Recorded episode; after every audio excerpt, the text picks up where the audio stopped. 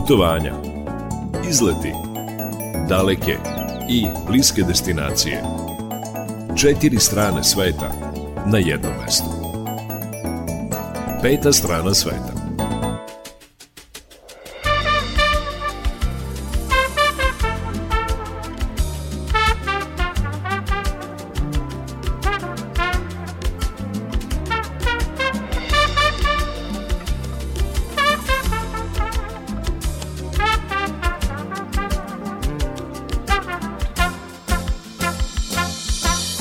Dobar dan, poštovani slušalci, dobrodošli na Talase Radio Novog Sada, dobrodošli u turistički magazin Peta strana sveta. Ovo izdanje emisije biće zaista sadržajno, uglavnom ćemo se kretati u granicama naše zemlje i čućete šta sve zanimljivo možete da vidite, gde možete da odete i kako da se provedete na tim destinacijama. Pa ćemo tako na početku emisije predstaviti klub ekstremnih sportova Izazov, on se nalazi u Vršcu, odnosno na uzvišenju sa terase tog kluba imate predivan pogled na Vršac. Odatle možete da posetite i Vršačku kulu. No, o svemu tome kada počne emisija. Potom ćemo predstaviti prvi eko hostel u Užicu. Započeo ga je jedan mlad čovek koji je želeo da se bavi turizmom i ispostavilo se da je imao veoma dobru i konstruktivnu ideju. Kada smo već u Užicu, onda ćemo govoriti i o njihovom gastrospecialitetu, nadaleko čuvenoj komplet lepinji koja je nastala u Užicu. Dakle, možda neki drugi krajevi žele da predstave to kao svoj gastronomski specijalitet, ali treba znati da je komplet lepinja nastala u Užicu. Selo Katić, jedno veoma zanimljivo selo, nalazi se u Ivanjičkoj opštini, pa ćemo govoriti i o turističkoj ponudi tog kraja, a potom ćemo otići do Tavankuta, bunjevačkog naselja u Subotičkoj opštini, Dakle, opet idemo u Vojvodinu. To naselje poznato je po slamarkama, o tome smo već pričali, a mi ćemo ovoga puta govoriti o etno kući Balažević koja se nalazi u tom zanimljivom vojvođanskom mestu. Pred krajem emisije čućete i jednu zanimljivost, ne znam da li vam je poznato koji je to najduži pešački most u našoj zemlji. E pa saznaćete pred krajem emisije kao što rekoh. I na samom kraju tu će biti naša rubrika turistička tura kroz Novi Sad. Verujem da je to mnogo razloga da ostanete uz turistički magazin Radio Novog Sada, peta strana sveta, a ovu emisiju realizovaće muzički urednik Srđan Nikolić, majstor tona Violeta Marković, ja sam Irina Samopjan i na početku prvo da se opustimo uz muziku.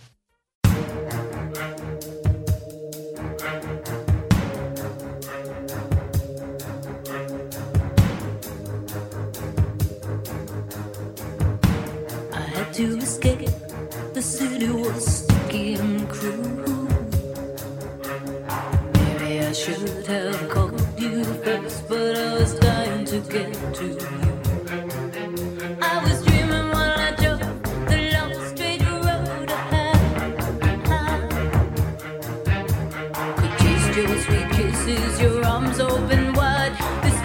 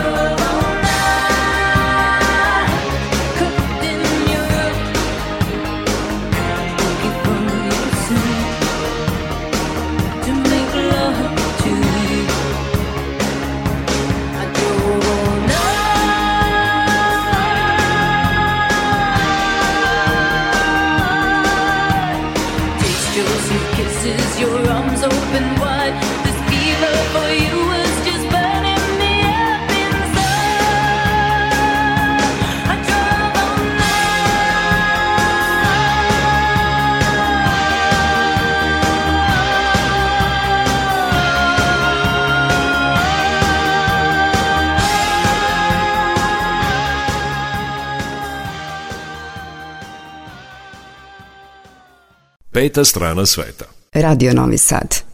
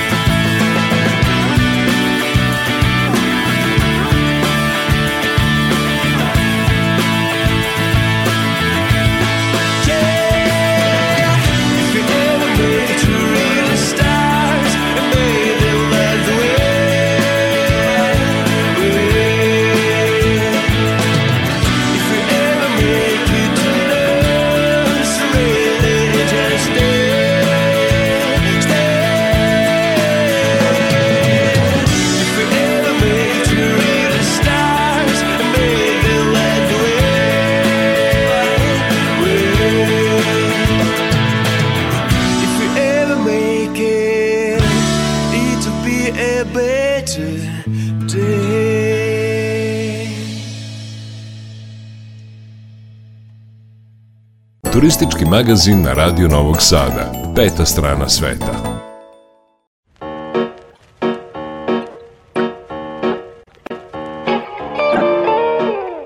2007. godine osnovan je klub ekstremnih sportova Izazov. Taj klub se nalazi u Vršcu na Vršačkom bregu. Član tog kluba je Mihajlo Lazarević, jedan od članova.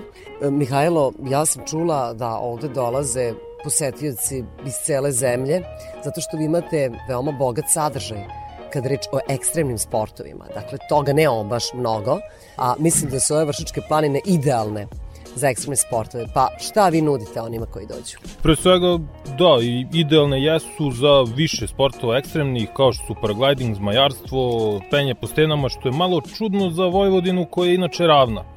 Pa to penje sa postenama koje je u samoj ravnici jedna od glavnih stvari, I naravno ti vetrovi koji ovde duvaju, to je pretežno taj severozapni vetar koji je pogodan baš za paragliding. Sa koje stene e, sa, se kreće? Nije, pa za... nije stena, da, to je startno mesto Kula, ima više startnih mesta, na bregu Turska glava, ovaj, Kula, poznata Kula naravno, ovaj, tako da ima više startnih mesta, ali ko što se tiče naše kluba, jedna od najpoznatijih stvari su penje po stenama, odnosno ima znači bouldering, to je manje penje do 3 metra bez naveze i ovaj ostalo penjanje uz neke naveze koje su malo veće. Reč je o penjanju po pravim stenama, da, a ne da. po veštačkim stenama da. i u tome je zapravo draž i lepota Naravno. ovog kluba ekstremnih sportova.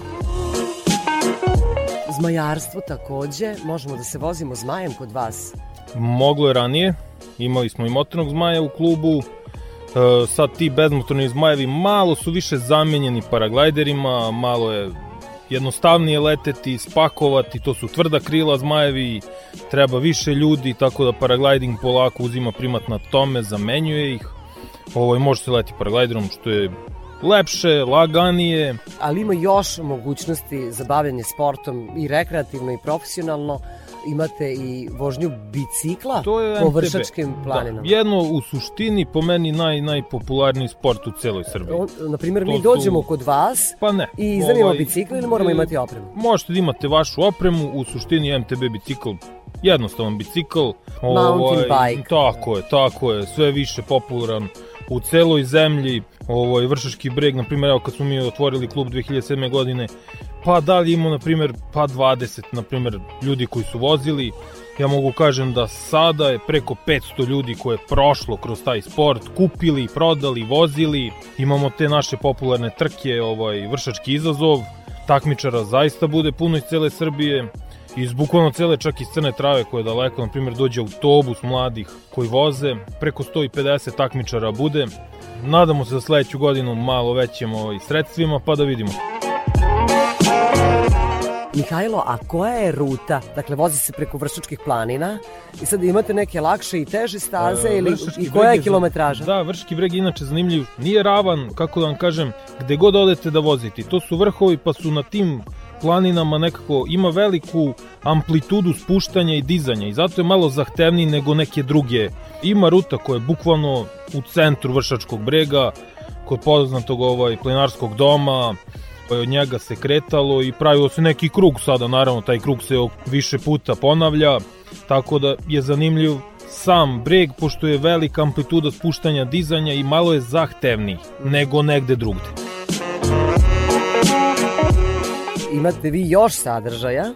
Ovde sam sada na Vršačkom bregu, a čujem da imate i kajake. I sad se pitam, pa gde, to je gde vi spuštate novo. te da, kajake? To je nešto novo, mala reka Karaš koja ovaj, izvire u Rumuniji, prolazi pored Vršca, to je nadomak Vršca, pored našeg sela tu Straža i odatle smo rešili da probamo ovaj, nešto novo, neka avanturica. Koliko imate kajaka za sada? Mi inače iznajmljujemo sa nekim našim prijateljskim klubom iz Pančeva, pošto su imaju naravno i reku svoju, pa ovaj, imaju i opremu, ovaj, tako da eto za sada u nekom drugarskom dolaze, donose njihove kajak i iznajmljuju po nekim povoljnim, povoljnim zaista cenama i spuštamo se, tako da to u suštini jedna lepa avantura za... Kakva je Karaš rečica? Mala. Mala? Mala, i... zanimljiva.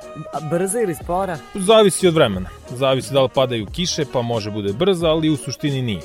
Evo Mihajlo, stvarno smo nabrali pregršt sportova kojim mogu da se bave svi oni koji dođu na Vršački breg i dođu u ovaj klub ekstremnih sportova izazov.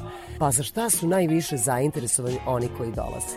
Za penjanje. MTB, znači to je, to je ti bicikli, ovaj, penje po vršačkim stenama, rekao sam jedno od zanimljivih stvari ovde. Naravno, pešačenje nezobilazno, planinarenje, pešačenje, uživanje u prirodi pre svega.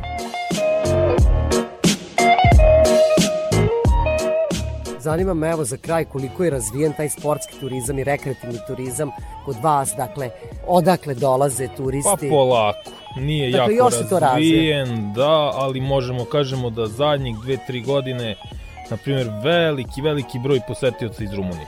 Što je i za grad po meni jako bitno, da se dole na parkingu ovaj vide rumunske tablice. Na primjer, evo kod nas u klubu i u samom kafiću se desi proletos da je bilo da bukvalno se rumunski priča, što je izuzetno iza brega. Tako da... Imaju li posetioci ovde negde gde da spavaju ili u planinarskom ima domu? Ima Crveni krst, planinarski dom i nema nema kuća, na primjer, za izdavanje. I to se traži. Čak dobijemo i mi preko našeg kluba poruke ovaj, gde bi mogli u prirodi da se smeste, a da nije Crveni krst, da nisu neka odmarališta. Znači, da, da se, turizam. Jest, jest. U suštini fali mesto više. Čuli ste, poštovni slušalci, kakve su mogućnosti za sportski rekreativni turizam ovde u Vršcu. Dakle, na bregu postoji klub ekstremnih sportova Izazov. Ako ste voljni, dođite da se nadišete čistog vazduha ovde na Vršačkom bregu, na Vršačkim planinama. Moj sagovornik je član kluba ekstremnih sportova Izazov, Mihajlo Lazarević. Peta strana sveta.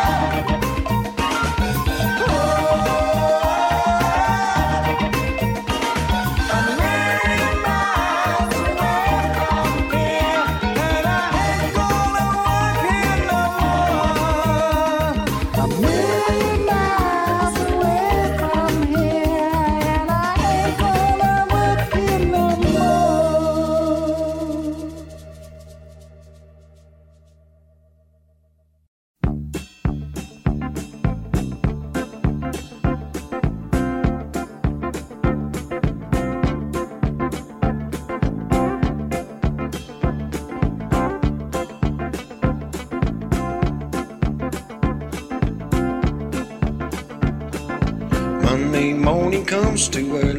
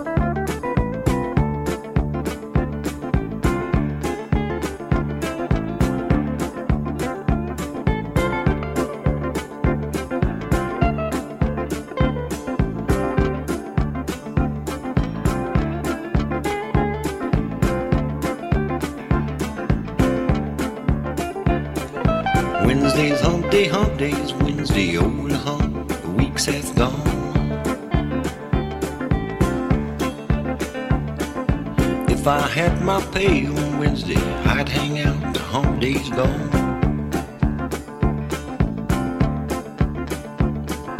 Thursday, you know I feel better. I can see the end inside. Think I'll write myself a letter,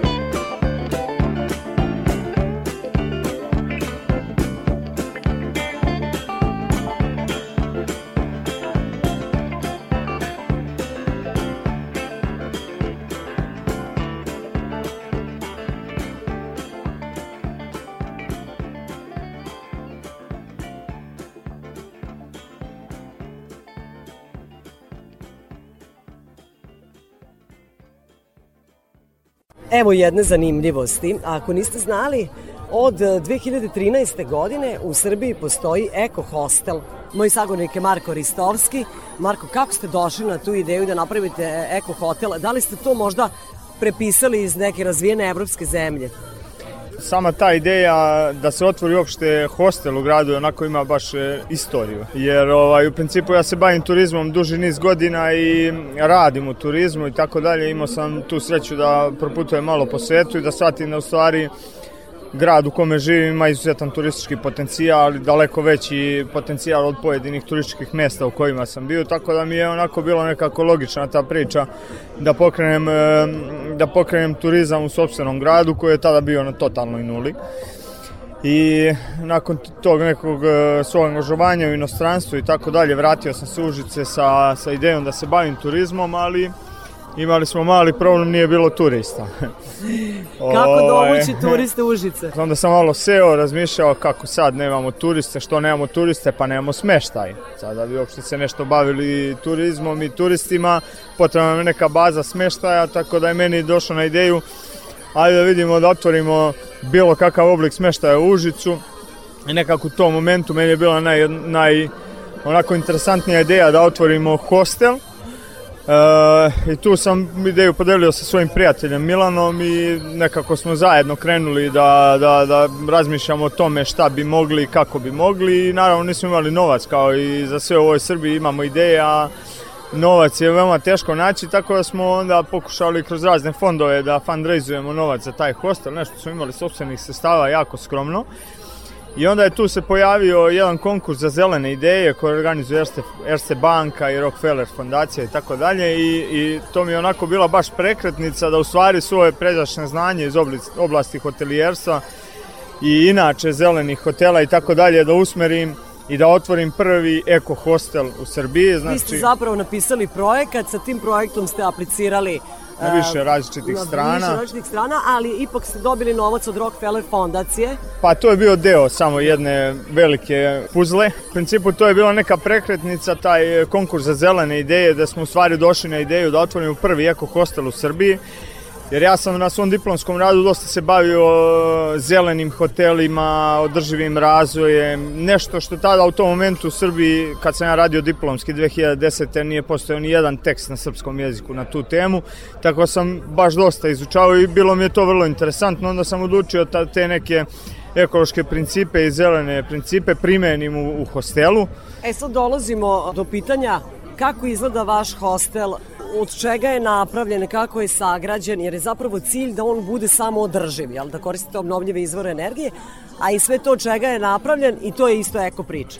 Taj naš eko hostel Republik ima dvojaku priču. Znači mi kada smo otvarali hostel, neka prvenstvena ideja bila to bude hostel Užička Republika da smo hteli tematski da se vežemo za Užičku republiku, prvo oslobođenu teritoriju u Evropi, jer smatramo da bez obzira koja je bila politička pozadina cele te priče, jednostavno treba da se sačuva to kulturno-istorijske nasleđe Užičke republike i nekako zbog svih ovih političkih promena i svega nekako si ljudi koji su se izborili za Užičku republiku ostali zaboravljeni. Tako da smo mi hteli da, da ispratimo tu temu Užičke republike koja inače prati Užice, I onda smo napravili tu dobitnu kombinaciju da u stvari napravimo Eko Hostel Republik koji bi bio energetski nezavisan kao što je Užička republika bila nezavisna u Evropi 1941. godine. I onda je se pojavili razni ti konkursi da smo mi uspeli da fundraizujemo neki novac, da uz pomoć solarnih panela, sistema uštede, e, apsolutno ceo interijer da uradimo od recikliranih materijala e, i da idemo ka nekom putu samoodrživosti. Nažalost u Srbiji to je veoma skupo, nije isplativo, teško je isplativo, ti rokovi otplate su jako dugački i tako dalje, ali imamo neki jasan cilj kojim se polako krećemo, evo već peta godina kako, kako radimo, mogu da kažem slobodno, znači da smo bili prvi neki ozbiljan smeštaj u gradu koji je mogao da ponudi neke dodatne sadržaje našim gostima. Sada već imamo 3-4 hostela u gradu, imamo preko 30 apartmana. I svi su eko. Konači, nisu svi eko. Samo smo mi eko hostel Republik, jedan jedini. Da, da, da, vi ste eko, ali mislite kad ima u gradu 3-4, pojavila se potreba da, za još da, da. smeštenih kapaciteta u gradu. Tako je, tako. Samo e, niste nam odgovorili na pitanje, ne znam, od čega su kreveti, od čega je, kako ste rešili to pitanje? To je isto vrlo interesantno, znači upravo ceo ceo, ceo interijer hostela je apsolutno ovaj, ručno izrađen, znači sve od, hote, od kreveta, stolica, stolova, sve je apsolutno ručno napravljeno ili je povučeno nešto što je već trebalo da se pretopi, spali i tako dalje. Mi smo napravili sve od paleta, znači apsolutno sav nameštaj od paleta, pritom neki elementi znači tog unutrašnjeg uređenja su neki reciklirani ormari, šlemovi i tako dalje, sve od vojske, zato što jednostavno pratimo temu Užičke republike, tako da kad uđete u hostel onako imate neki osjećaj da, da ovaj, ulazite onako totalno neki onako lud ambijent gde su šlemovi suda oko vas, petokrake, partizani. Neka vratna atmosfera. Pa znate šta, ovaj, kad dođete kod nas u hostel, lepo uzmete ključ od ormarića, zadužite šlem i šetanje kroz hostel bez šlema nije dozvoljeno. To nismo znali. Šalimo se, naravno, znači je Šala je. Da. Zanimljiva je priča, evo kad ste vi to konačno otvorili uz bezbroj peripetija, e, ali entuzijazam vas je držao. Odmah su krenuli da dolaze turisti, jel tako? Čak ima jedna priča za, za strance koji su terali da odsednu jedan dan, a posle, eto njih svake godine. Mislim, mi smo otvorili hostel u Užicu, znači evo sad vaši slušalci mogu da se pitaju da li bi ikad proveli svoj odmor u Užicu, da li bi ikad došli u Užice iz bilo kog razloga. Naravno da ne bi, zato što nisu čuli za Užice, jednostavno to nije neka turistička destinacija, znači nije, nije Zlatibor, nije Novi Sad, nije Beograd, znači jednostavno nije turističko mesto, A opet kad dođete tu, osjetite u stvari da biste mogli tu da budete dugo i na, na korak od netaknute prirode, zaštićenih prirodnih područja, nacionalnih parkova, parkova prirode i tako dalje. Tako da ima ta jedna anegdota ovaj, za, za prve goste koji su ušli, ušli u hostel, znači to je jedan bračni par iz Nemačke koji su bili na putovanju od Beograda ka Crnoj Gori, znači išli su jednostavno sa aerodroma su krenuli na, na more i tu negde u Užicu ovaj, su izašli, htjeli su tu da prenoće i pojavili su onako nenajavljeno, bukvalno na vratima hostela u momentu kad je nama stizala posteljina u hostel. Znači onda mi ono, evo ih prvi gosti, brzo namestimo sobu za njih i njima se tu svidi ta cela, nekako je taj moment kad su oni ušli, mi smo još uvek radili, još smo bili u radovima, još smo tu uređivali, znači svašta nešto pravili i njima je to bilo izuzetno interesantno kako mi od ničega pravimo nešto, tamo nekih daski, pravimo krevete od paleta, pravimo stolove, I onda su ovaj, zazli želju malo da, da tu prođu nešto u zapadnoj Srbiji i onda ja napravim jednu turu za njih. Oni se oduševe, drugu, treću, četvrtu i u principu oni umesto da odu u Crnu Goru na tri nedelje odmora, oni su ostali u Užicu tri nedelje. Znači, bukvalno sa nama prošli uzduž i popreko, znači, celu Srbiju i onda posle toga su naravno otišli e, i, i posle toga kreće taj turbulentni period, znači kad nema gostiju, kad e, je baš bilo onako mučno kao u svakom poslu, prve dve godine su baš kritične. Međutim, oni su nam uvek bili ta neka vodilja da, da imamo kvalitet, da smo napravili stvarno dobru priču, samo da treba budemo strpljivi. I treba da se pročuje. Tako je, i da se pročujemo. Sad je taj posao razrađen. Imate li neke turističke ture za one koji dolaze, da neku pešačku turu ili da li ste i ulozi turističkog vodiča vi kao vlasnici? Ja sam inače turistički vodič, licenciran i tako da u principu ja vodim ljude te na ture, imamo još par vodiča koji rade za nas. Pošto postoji potreba za da. više. Pa evo, sad se javlja, znači sad nakon pet godina javlja se znači, potreba i u principu imamo svakodnevno ture koje su onako baš specifične, da su manje, Kakve su? manje privatne ture e, za, za manji broj ljudi do najatraktivnijih stvarno lokaliteta i lokaliteta koje nećete baš e, moći sami da nađete ali to gde vas vodimo morate da dođete kod nas pa da vidite. Nećeš da nam otkriješ, nego moramo da dođemo. Pa, Evo u neke principu- osnovne u- stvari, U, ajde, principu osnovne. naj, najviše se ljudi interesuju znači, za, za Drinu, za Taru, znači nacionalni park Tara, kanjon Uvca, Mokra Gora, Sirogojno, e, kanjon Đetinje, sada se otvara za te turističke sadržaje. Tokom ovih pet godina uredili smo sa našim udruženjem e, turističkih vodiča, uredili smo dosta planinarskih staza oko samog grada, tako da svake godine napravimo neki novi sadržaj u gradu koji će da zadrži gosta još jedan dan, jer e, u principu nama je, nama je bitno da gost kad dođe u Užice ima isprogramiran dan, pro, odmor od 4-5 dana gde će on stvarno da, da uživa u aktivnostima i da ima onako neko super iskustvo i mi smo zadovoljni stvarno i kako se to se odvija. Mislim, zadovoljni smo iskustvima naših gostiju, vidimo, vidimo rezultat rada. Kada je reč o hrani, kogod dođe u Užice, kažu valja da proba komplet lepinju. Ne znam da li to kod vas postoji u hostelu možda. Pa u hostelu mi ne pripremamo hranu.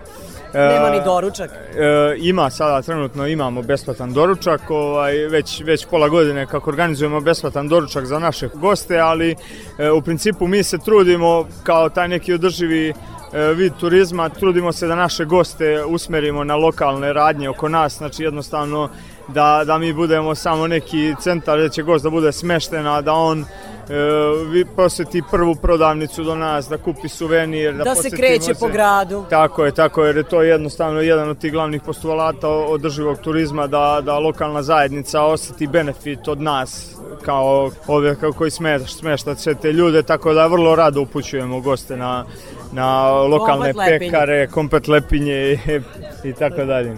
Ja se zahvaljujem mom sagovorniku Užičaninu Marku Ristovskom. On je vlasnik eko hostela Republik koji se eto, nalazi u Užicu.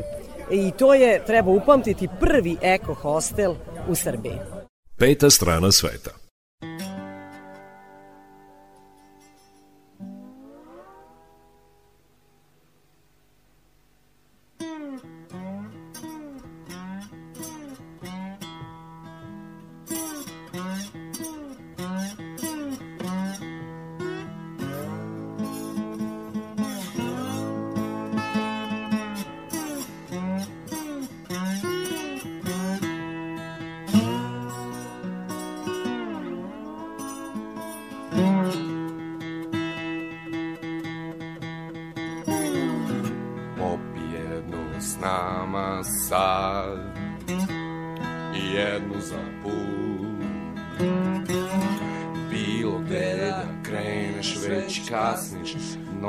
Je i mesec samo pijani krug. Dosta sam ti pričao, želi me još neko Vidimo se sad i ko zna kad. Čuj samo nešto što dobro znam Najbolje se putuje kad putuješ sam. Jer najbolje se putuje kada putuješ sam najbolje se putuje kada putuješ sam. Jer najbolje se putuje kada putuješ sam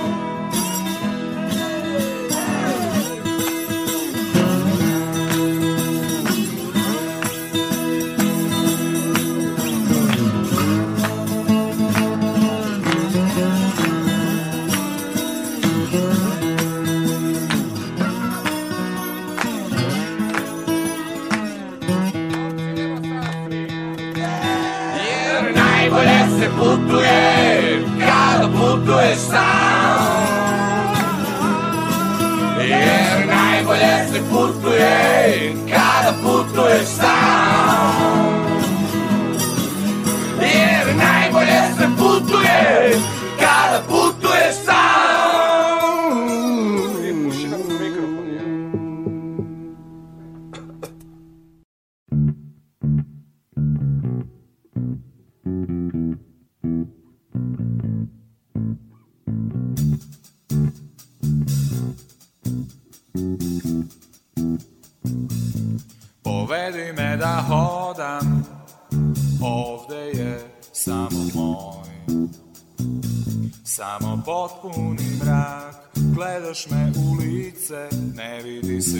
ništa. Sasvim normalna stvar, povedi me da hodam, ja hoću, ja moram, pokušavam da, da ne uzmem previše, opet vrtoglavica počinje. Sve u svemu melanholija, isto uzrača,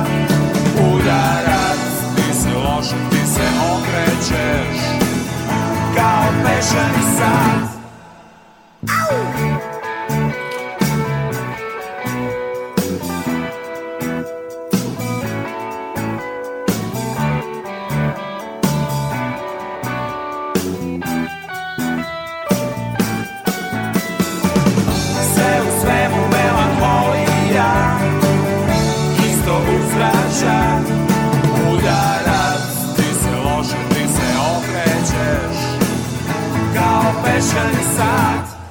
Povedi me da hodam Negde na pola. Reci mi šta sve još treba da znam. Napiši svoje ime prstima. Pesak ću da pronađem sam. Povedi me da hodam Ja hoću, ja moram Pokušavam da Da ne uzmem previše Opet vrtoglavica počinje je, je, je. Povedi me da hodam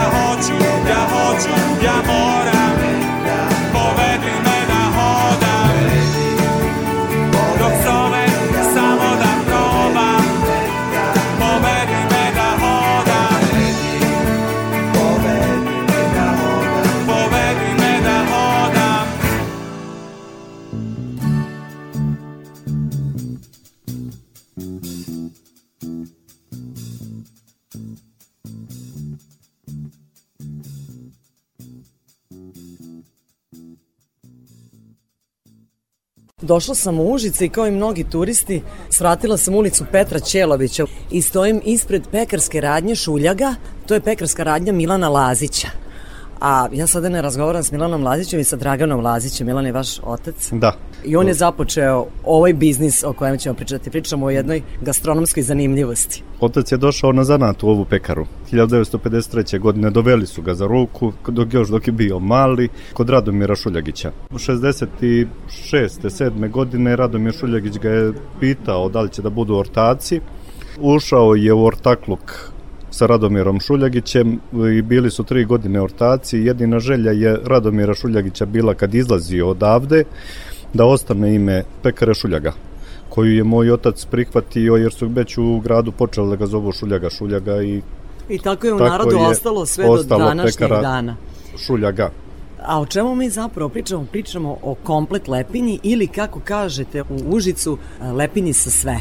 To je jedan gastronomski specijalitet koji oni koji dođu u Užice moraju da probaju. Ako to nisu probali, onda kao da nisu bili u Užicu. Kao da nisu bili u Užicu, normalno. Jer ovde smo imali goste čak iz Japana, iz Severne Koreje, ovi sa gornje strane Severne Koreje. Sa svih strana sveta stvarno dolaze ovde u grad i obavezno dolaze u ovu pekaru. Da, a u našoj zemlji svi definitivno znaju za lepinje sa sve. Zašto ja baš sa vama pričam? Zato što je ovde nastao taj recept. Ko je izmislio tu lepinju sa sve? Pa posle drugog svjetskog rata više su se pravile eh, hlebovi vekne od 2 kg, vekna od kilogram i pogače. Onako stidljivo su išle ove lepinje sa sve. Jer posle drugog svjetskog rata gazde su ovaj dolazile i išao je kajmak pretop i tako i poneki gazda pošalje jaje da mu se to umućka i odatle je krenulo kad su ih šegrti, kad su dolazili da za gazde naruče lepinju, onda kaže ajde i meni onu poruči sa sve. I Sa svim- svim što ima ta- tada što je sa, bilo. Sa sve i tako je krenulo. U spontano je taj recept nastao. Da. Nije to da je jedan čovek izmislio recept. Više spontano nego... Ali se, A- ali se zapatilo ovde baš kod vas u pekari i ovde je ona prvi put napravljena u Užicu i onda su posle kopirali drugi taj recept. E, jedina pekara koja je opstala Znači sve ove godine i za vreme rata i posle rata i ceo ovaj period koja nikad nije bila zatvorena, to je ova pekara. A sve su ostale novije, novijeg datuma. 2005. godine lepinja sa sve zaštićen proizvod. Zbog otimanja novopečeni pekari Zlatibor e, i cela Srbija su počeli da prave neki proizvod, nazivali su ga lepenja sa sve, u njega su ubacivali pršutu, ajvar, na kraju su ubacili i, i spanać. I mi smo 2005. godine ovaj proizvod zaštitili onakav... Dakle, pekara Šuljaga. Pekara Šuljaga je zaštitila ovaj proizvod, znači autentičan kakva je prva napravljena. Posle drugog svjetskog rata je napravljena ova lepinja sa sve. U ovom obliku i sastavu, recepturi. I još sam primetila nešto da se dešava važno u ovoj pekari. Videla sam sada plakat za jedan festival, Žestival se zove, i na tom festivalu vaša pekara je napravila najveću lepinju za sve na svetu. Ovde se napravila ta za Ginisa sad, pitanje je da li će ovi iz Ginisa doći da probaju lepinju i da upišu u knjigu. Za Ginisa manje više, ali napravili smo jednu najveću lepinju, oduševili smo sve posetioce žestivala i građane Užica, svi su bili oduševljeni, tako da smo i mi ispunili neku naš san i ljubav prema tom proizvodu. Evo za kraj, ako možete Dragane samo da kažete šta ide u tu lepinju za sve, kakav je recept? Domaća lepinja u kojoj nema aditiva, trudimo se znači da je pravimo bez aditiva, samo brašno, kvasac, voda. Onda ide užički kajmak, jaja i normalno neizbežan pretop koji se dobija od jagnjadi i prasadi. Bez E, njega ne može ovaj proizvod. To je da- ona mast, moča, mi tu u Vojvodini kažemo moča, jel to to. Da, da. Želim vam sve najbolje, hvala vam na ovom razgovoru. Hvala i vama što ste došli kod nas u goste. Moj sagovornik bio je Dragan Lazić, a on je vlasnik pekare Šuljaga, koje se najduže održala tradicija pravljenja tog gastronomskog specijaliteta u Užicu. Peta strana sveta.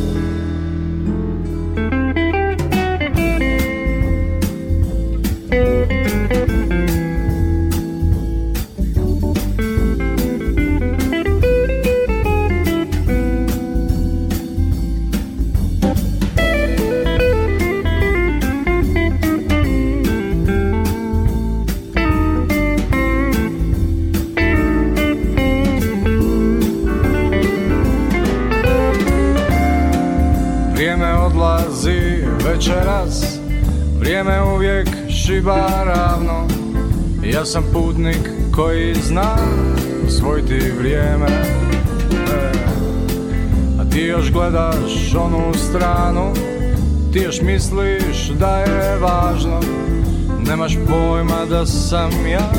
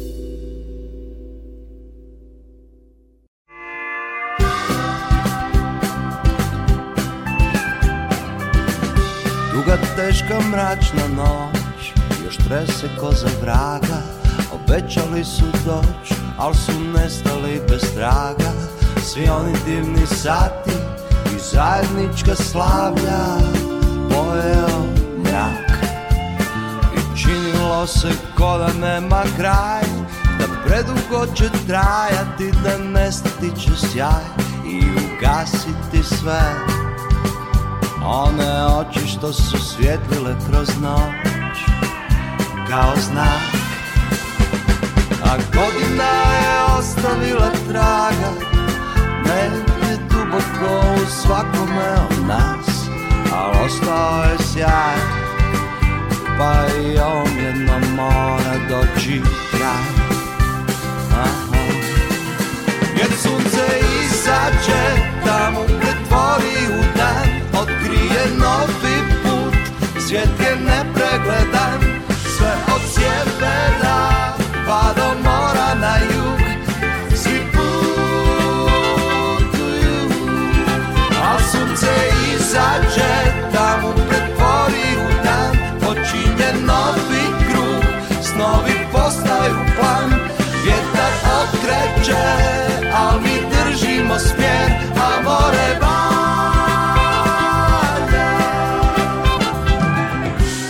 Sasvim očekivan kvar Primijetila je draga Matrica ima bak I to ponekad se javlja.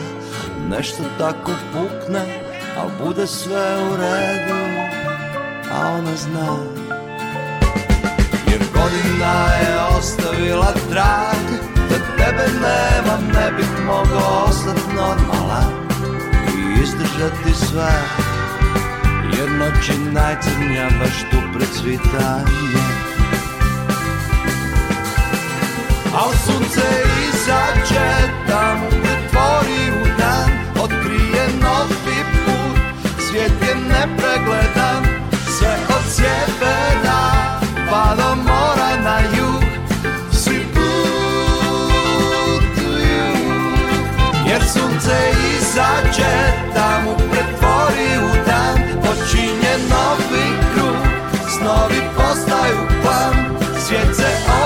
okreće, al mi držimo smjer Sve do Havaja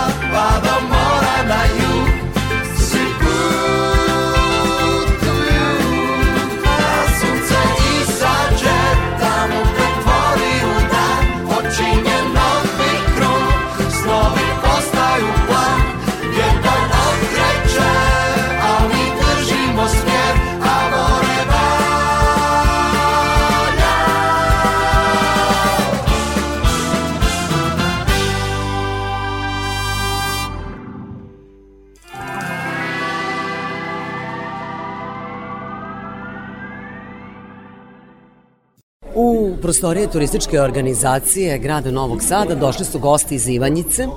U stvari ne baš iz Ivanjice, nekih 20 km udaljeno je selo Katići od Ivanjice i tu se nalazi hotel, zove se Matović Logos. Zapravo hotel se nalazi na jednom posebnom mestu u predivnoj prirodi i zbog toga ih je turistička organizacija grada Novog Sada i ugostila kako bi obelodanila sve informacije u vezi sa hotelom i sa turističkim potencijalima toga kraja, Moravičkog kraja. E, Moj sagovornik je Slobodan Jakšić, on je menadžer hotela Matović Logo. Slobodane, dobar dan. Dobar dan, hvala vam na... Evo ja sam sada nahvalila taj vaš kraj, ali sve to zahvaljujući mojim koleganicama, novinarkama koje su nedavno bile kod vas i stvarno se oduševile prirodom, planinom Mučanj, pošto se hotel nalazi na planini, kako rekao ste na kojoj nadmorskoj visini? Hotel se nalazi na 1054 metra, a Mučanj, vrh Mučnja je na 1534 metra. Ja prvo da vam objasnim malo o, o tom hotelu, kako je on postavljen na tom mesto. Ljudi u, u prethodnom vremenu su dosta razmišljali gdje objekat mogu da postave. Tako da su vršena ispitivanja na tom mestu Katiće, jer su stara predanja govorili da dolazi vazduh sa mora. I oni su pozvali institut i počela su ispitivanja, postavili su neko veliko platno i na tom platnu su se zadržavale čestice joda i soli. Tako da je dokazano da do tog mesta, tačno gde se sad nalazi hotel, tu dolaze i vazduh sa mora, to je sa Jadranskog mora. A Osjeća drugi, se miris. Osjeća, osetite vi jod, osetite so. S druge strane osetite borovu šumu, a iz šume osetite šumski vazduh, to je gorski vazduh. Tako da se na tom mestu ruža vetrova, svi pričaju ruža vetrova, ruža vetrova, niko nije dokazao. Jedino ko je dokazao, to je dokazao hotel Matović Logos da se tu ukrštaju morski i gorski vazduh. I na tom mestu je ustanovljeno da ljudi koji imaju problem sa disajnim organima mogu da se leče sa štitnom žlezdom. Najveća bolest današnjici je stres. Od tog stresa se dobija i diabet i ostale bolesti, tako da ljudima se preporučuje malo više dana da se opuste, da dožive prirodu, da dožive vazduh i da se vrate u neko normalno stanje bez stresa, bez potresa i da kažu ovo je Bog dao mesto. Vaš hotel je kao neka vrsta banje, pa me zanima ko su vaši gosti. Pa evo, na tom mestu su ustanovili i sportisti, futbaleri i košarkaši za mlađe selekcije su na pripremama, već su sad na pripremama i futbaleri, a bit će i, i košarkaši. Drugi gosti su ljudi koji sam rekao da je zdravstveni turizam, da je to neka vrsta banje na planini i ljudi koji žele mir, odmor, a jedna od najvažnijih stvari, ja ne pričam mnogo, tu se stvaraju nove ljubavi i obnavljaju se stare. Tu stariji ljudi kažu da im je kao eliksir, kažu da je to jače od Viagre ovaj naš kraj. Za sve goste koji dođu u vaš hotel imate osmišljene i turističke ture, dakle da bi njima čitav dan bio ispunjen i opšte boravak tih nekih 10, 12, 13 dana koliko odsedaju, želite da im sve vreme bude organizovano dobro. Mi ne dozvoljavamo da gostu bude dosadno. Pravimo pešačke staze zdravlja. Imamo to sve na planini mučenj ili, na planini ili ih vodite i na Goliju koja je blizu? Na planini mučanj. Pa onda imamo uh, ekskurzije za uvac. To je jedan kanjon, što kažu amerikanci da je za njih Colorado, za nas je uvac. Tu opstala je vrsta beloglavog supa i da. imamo verski turizam u Ovčarsko-Kablovskoj klisuri, kažu da je to mala srpska sveta gora.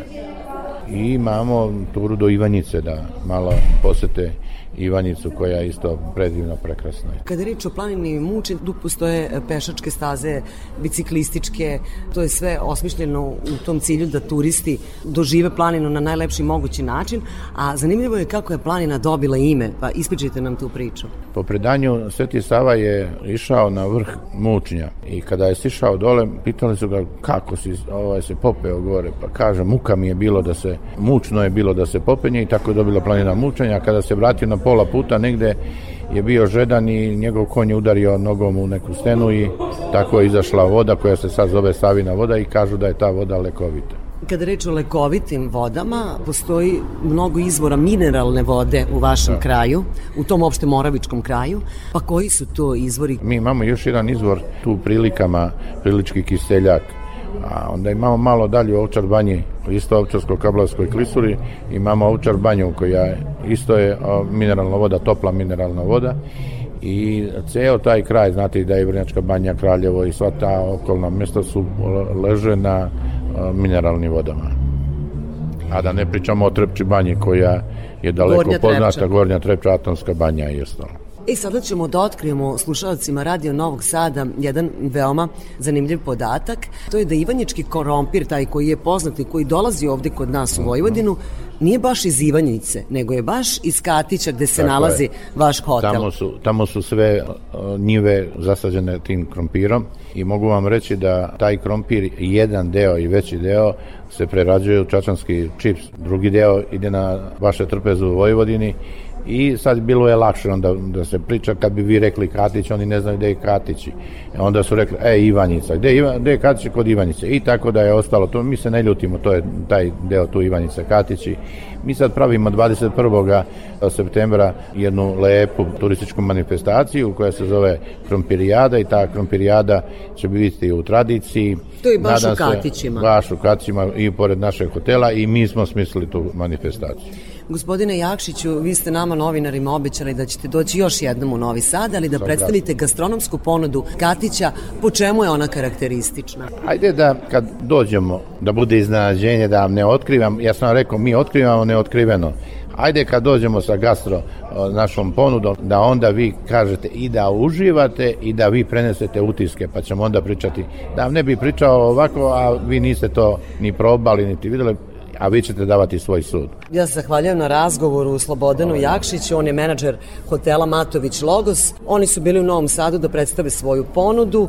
Ukoliko vas zanima prelepa priroda, Moravički kraj, eto možda baš vaša odluka bude da, da ovo leto i ovaj godišnji odmor provedete u Katićima nadomak Ivanjice. Ostanite uz Radio Novi Sad, uskoro ćemo pričati ipak o jednom gastronomskom specijalitetu, a on je karakterističan za Užički kraj.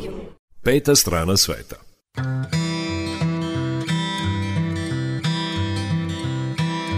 Walking all day with my mouth on fire, trying to get talking to you.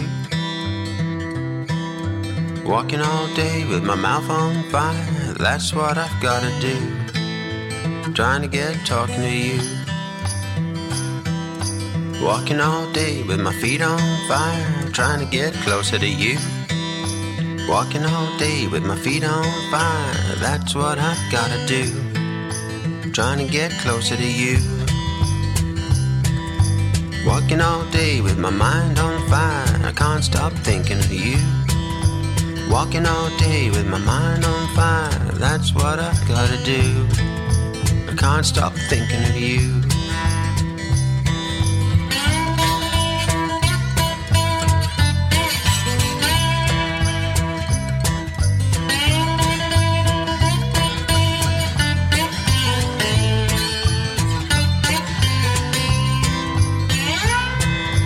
Walking all day with my hands on fire, I wanna get to touch you. Walking all day with my hands on fire, that's what I've gotta do. Wanna get to touch you.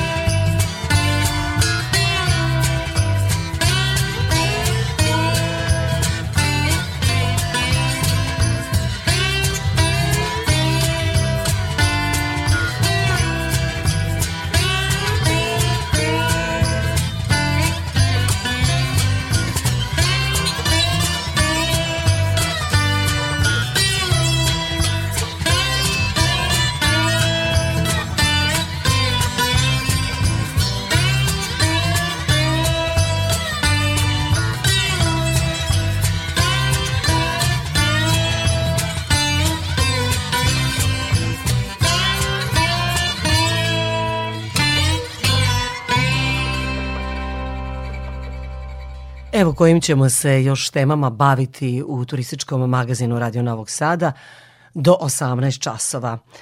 Otići ćemo do Tavankuta, to je bunjevačko naselje u Subotičkoj opštini, poznato po slamarkama, to sam već rekla na početku, ali nećemo govoriti o njihovoj radinosti, o tome smo govorili u nekim prethodnim emisijama. Ovoga puta pažnju ćemo usred srediti na etno kuću Balažević. Potom ćete saznati koji je to najduži pešački most u Srbiji i na kraju emisije naći ćemo se i na turističkoj turi kroz Novi Sad. Ostanite uz petu stranu sveta.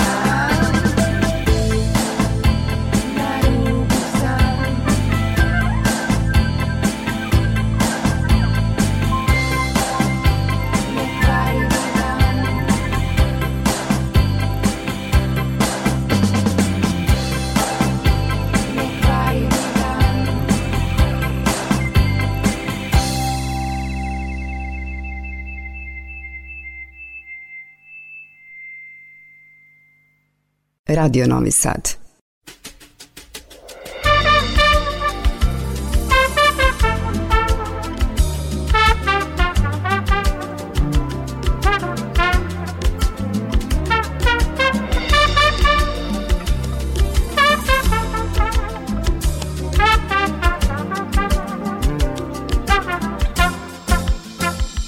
A sada idemo u Bunjevački kraj u Vojvodini.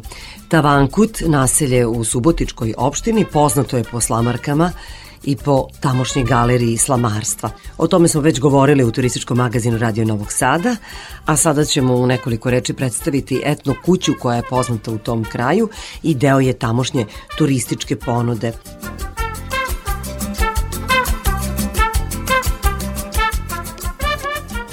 U Tabankutu smo posetili etno kuću Balažević i čuli da je taj salaš sa 5,5 hektara zemlje početkom ove decenije njegova vlasnica Jasna Balažević. S obzirom na to da nije imala naslednika, zaveštala selo. Kada smo mi ovaj salaš dobili, nismo znali šta ćemo s njim. Mi smo dobili velike ponude da ga prodamo za velike pare i tako dalje. Naravno, to nismo uradili, jer kada bi izračunamo koliko smo njega uložili, mogli smo novu kuću da uradimo, znači to je oko 40.000 eura uloženo u njega, a, a i dalje je on stari salaš. Zašto? Jer u Pozdruju mi danas imamo 12 ležajeva, E, imamo znači 7 soba, 5 dvokrevetne, dvije jednokrevetne, sa dve kupaonice, znači gore jedna, dole druga, i to nije jedini smešteni kapacitet, mi danas imamo oko 50 smeštenih jedinica u Tavangutu, što je u našem vlasništvu 22, jedno je, jedan kapacitet je u nekadašnjem domarskom stanu, ima 12 ležaja i nekad su u Tavangutu postojale časne sestre, one više nisu tu i onda naš župnik je nama dao tu kuću gdje su bile časne sestre, tamo ima 15 ležajeva. Tako da danas mi možemo hostelskog tipa, više krevetni soba i tako dalje da primimo znači jedan autobus na spavanje. Sve više je tih seminara, mladih, edukacije tako dalje koje imaju kod nas i spavanja, ali imamo puno ovakvih promotura kao što ste vi. Ima oni koji dolaze sa ručkom, sa večerom, s tamburašima, spavaju u Subotici, a kod nas dolaze samo na provode i tako. Danas imamo znači godišnjem nivou više od 5000 poseta, a imamo znači pa bliže 1000 noćenja, znači što se tiče na godišnjem nivou. Ti dolaze nam turisti najviše Srbija, Hrvatska, nešto iz Mađarske, nešto Slovenije svi bilateralni odnosi Srbije i Hrvatske, da krenemo od uh, Nikolića i Josipovića su bili u Tavankutu, u toj prostori gde ćete vi biti kasnije na, na čistom malom osveženju, uh, pa je posle bio evo, uh, Vučić i Kolinda, pa onda posle tog je bio uh, Ivica Dačić i Miro Kovač, ministri vanjskih poslova, tako da ja se šalim, ako svi ministri dve države mogu kod nas doći na te neke njihove bilateralne odnose, onda svaki turist nam je naravno dobro došao. Za naš radio govorio je Ivica Dulić, predsednik Hrvatskog kulturno-prosvjetnog društva Matija Gubec, a on je bio i naš domaćin u Tavankutu. Peta strana sveta.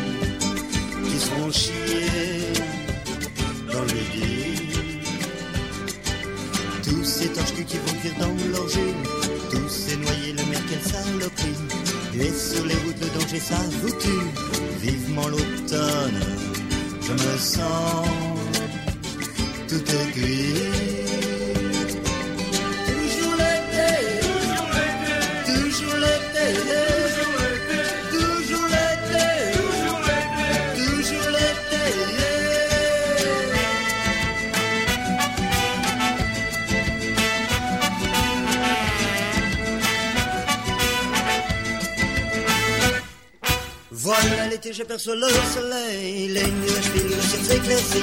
L'aime dans ma tête qui bourdonne les abeilles, j'entends rougir les plaisirs de la vie. Voilà l'été, j'aperçois le soleil, les nuages finissent le ciel s'éclaircit.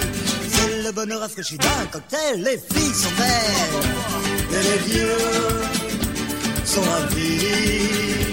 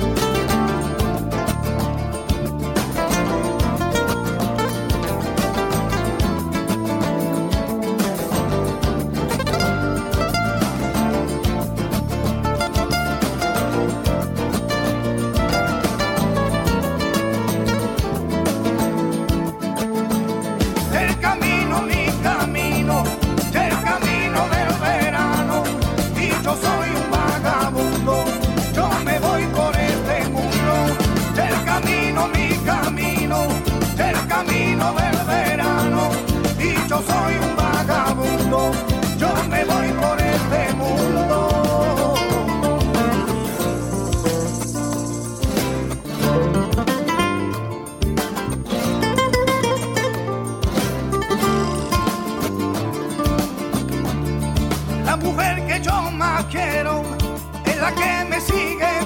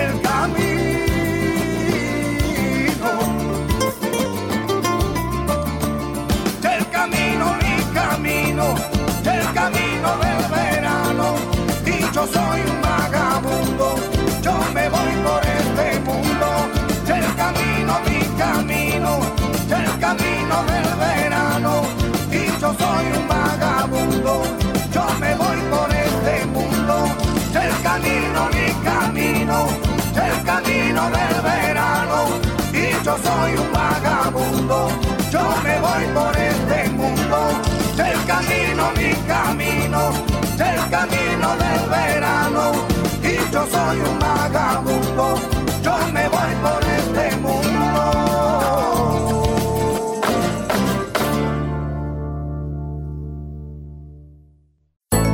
Zanimljivost.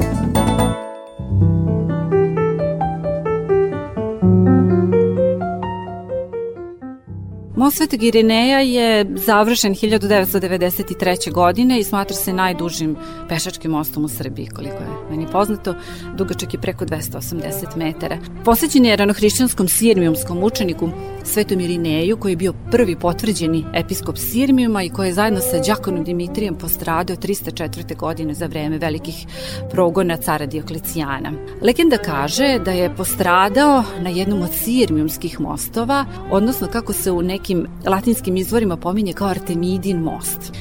Tačna lokacija tog starog mosta nije utvrđena. Pretpostavlja se da je ona bila uzvodno, nekih 200 metara uzvodno od lokacije sadašnjeg mosta, ali ovaj deo, deo reke gde je u stvari premošćena reka između Mačvanske i Sremske Mitrovice svakako bila sa građevinske strane gledišta najpogodnija da se podigne pešački most koji bi povezao dve obale.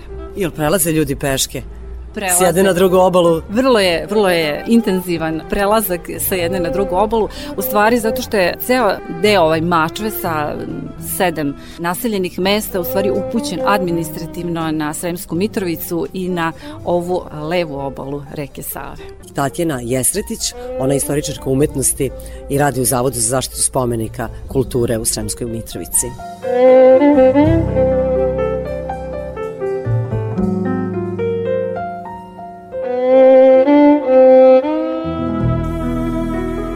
5 5 5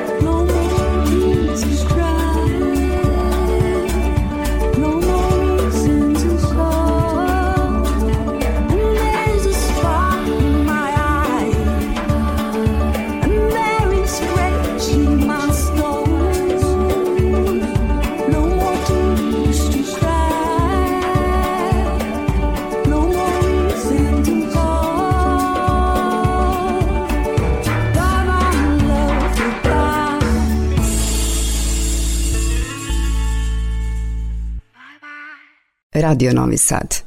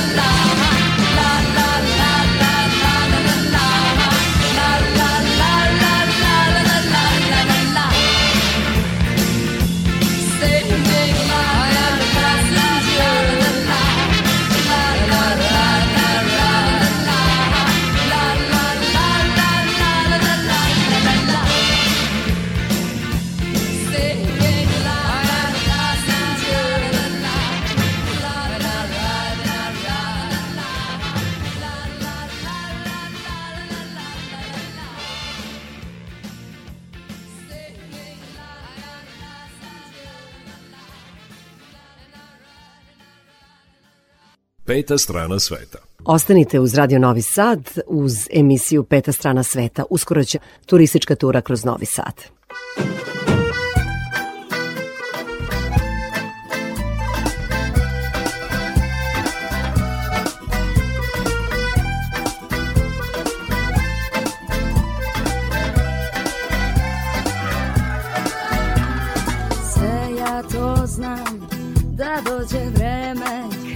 Loše nam Odjednom krene kada se sve Kao vetar okrene. Sve ja to znam Da lomiš čaše Sve ja to znam. Uz tamburaše Kad god me tu Neko malo spomene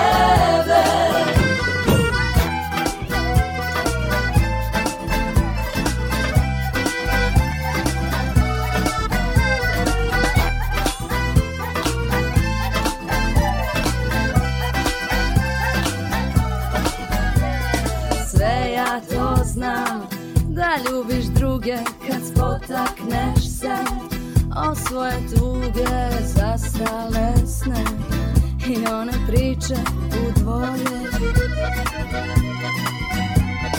Sve ja to znam Da lomiš čaše Sve ja to znam Uz tamburaše Kad god me tu Neko malo spomene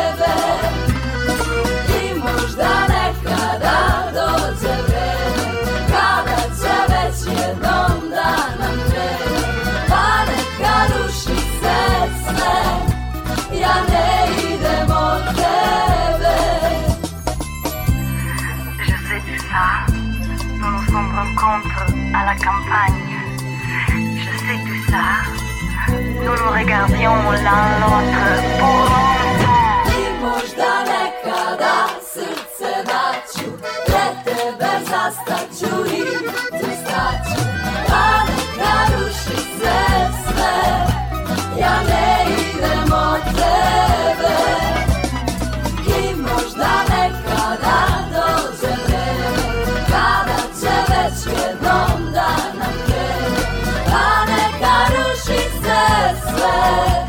Ja ne idem od tebe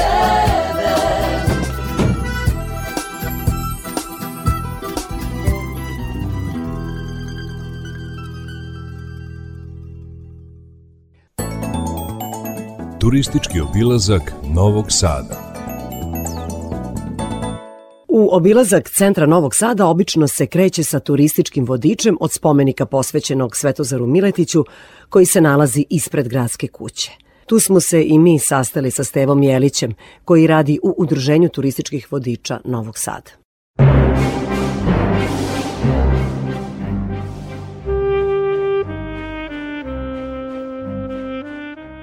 Mi se sad nalazimo ovde na Trgu Slobode.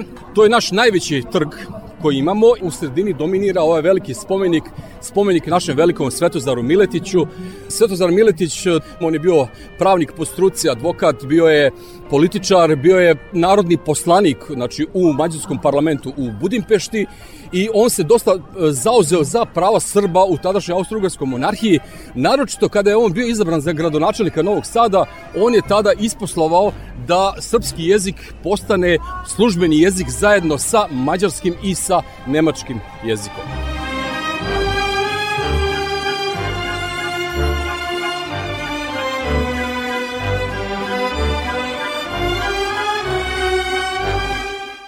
Ovaj spomenik ovde 1939. godine je napravio hrvatski umetnik, znači Ivan e, Meštrović. E, godinama sa jedne strane, ove druge tamo strane, bilo je, bio je natpis Svetozar Miletić Čirilicom napisan. 60. godina dolazili su ovde neki novinari, pokoji turista u to vreme i e, jedan novinar je čak napisao da su e, ovde u Novom Sadu e, ljudi toliko veliki komunisti tako da su stavili spomenik Karl Marksa ovde u centar Novog Sada. Valjda ih je on posjećao zbog svoje brade na Karl Marksa, tako da smo s druge strane napisali, znači Svetozar Miletić na latinici da znaju da to nije Karl Marks, nego naš Svetozar Miletić. Radio Novi Sad. Bližimo se kraju emisije, to znači da ćete uskoro čuti i vesti iz sveta turizma. Ostanite uz nas.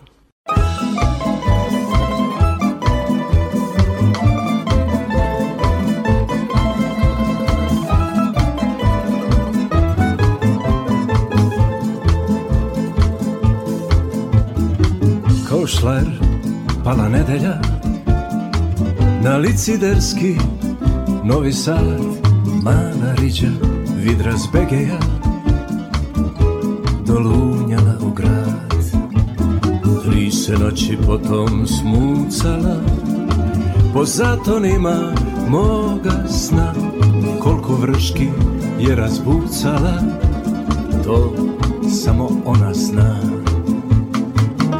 Po to doba mesečarim Krenem šorom pa svečarim. Čule bande pa mi o glavi rade. Sve se čarde zbog mene u parade. Samo pijandure, banče, bez tambure. Alko tuguje, redom lumpuje. Starogradske, turske, ruske pa mađarske. Jutro ću spiriti, neću se smiriti. Dok ne nađem stih koji mene podsjeća na nju. Ej, ume mraz da vrhom nožića Na prozor čuda našara Anđele i zvona Božića I srce svašara Pa doslika kućerak. I ladolež na plotu I onda snevaš snove što se snuju jednom u životu. Voli se je daret, ne više A i to je previše. Jer od tog doba mesečarim Krenem šorom pa svečarim. Šule bande pa mi o glavi rade Sve se čarde zbog mene u parade. Samo pijandure, banče, bez tambure. Alko tuguje, redom lumpuje Starogradske, turske, ruske pa mađarske. Jutro ću spiriti, neću se smiriti. Dok ne nađem stih koji mene podsjeća na nju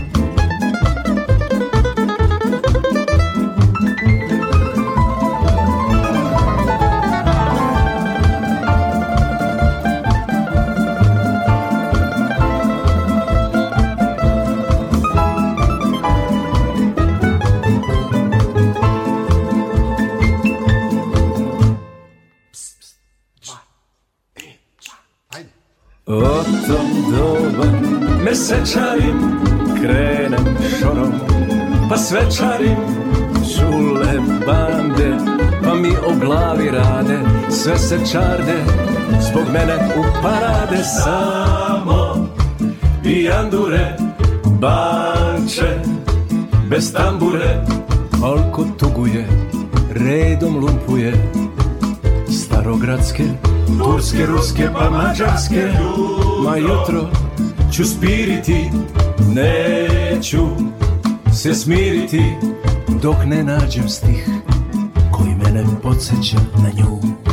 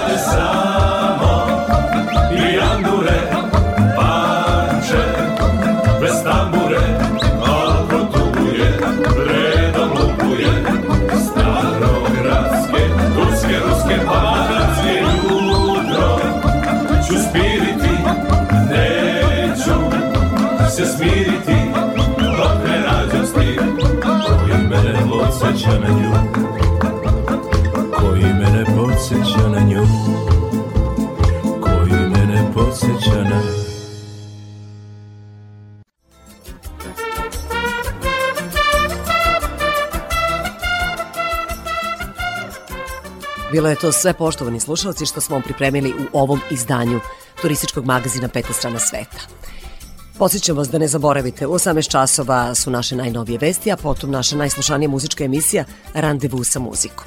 Turistički magazin ovoga petka realizovali su muzički urednik Srđan Nikolić, majstor tona Violeta Marković, ja sam Irina Samopjan i želim vam srećan put.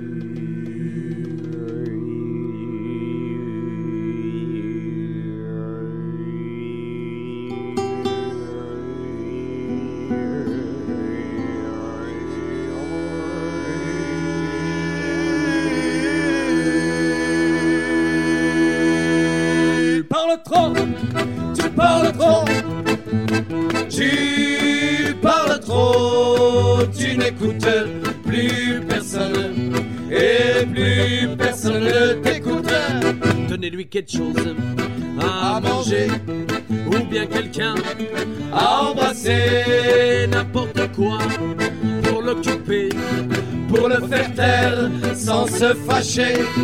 Tu parles trop, tu parles trop, tu parles trop, tu n'écoutes plus personne et plus personne ne t'écoute. Pousse-toi, laisse passer les anges. Elle est modeste, elle est timide. Tais-toi, tu gagneras au change. Faut se remplir quand on se vide. Tu parles trop, trop. Tu parles trop, tu n'écoutes plus personne et plus personne ne t'écoute. Et ce n'est pas que ton discours ne semble pas intéressant. Tu parles peut-être même d'amour. Ouais, mais tu parles, tu parles tout le temps.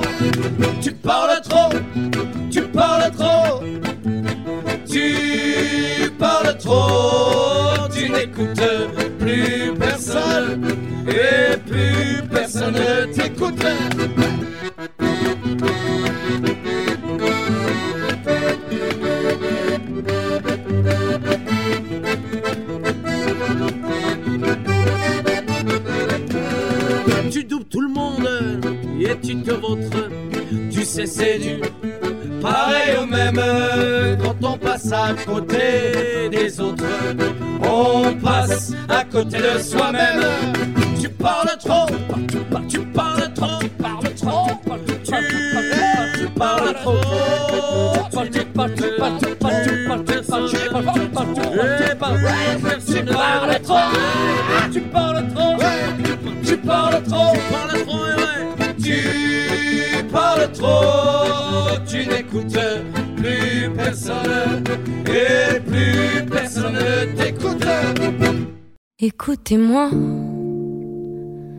Moi la chanteuse à demi.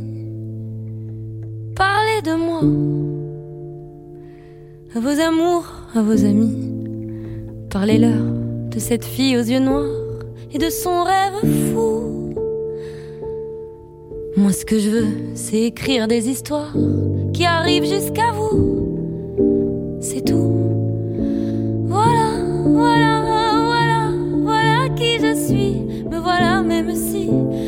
Mise à nu, j'ai peur.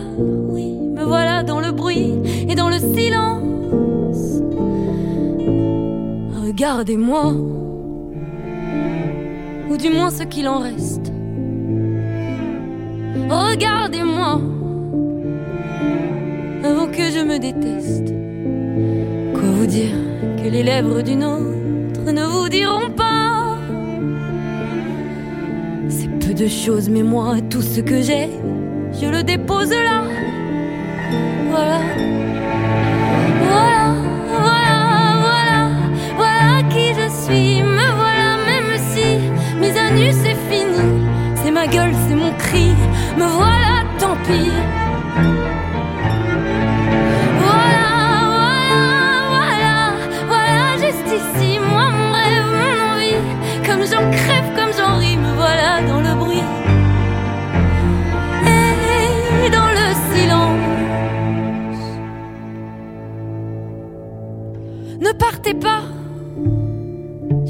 Supplie, restez longtemps.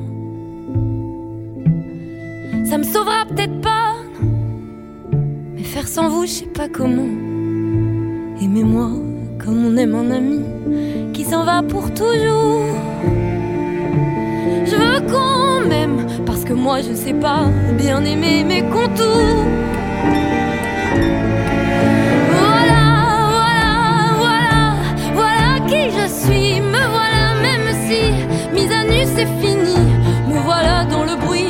dans la fureur aussi. Regardez-moi, enfant, et mes yeux et mes mains, tout ce que j'ai est ici.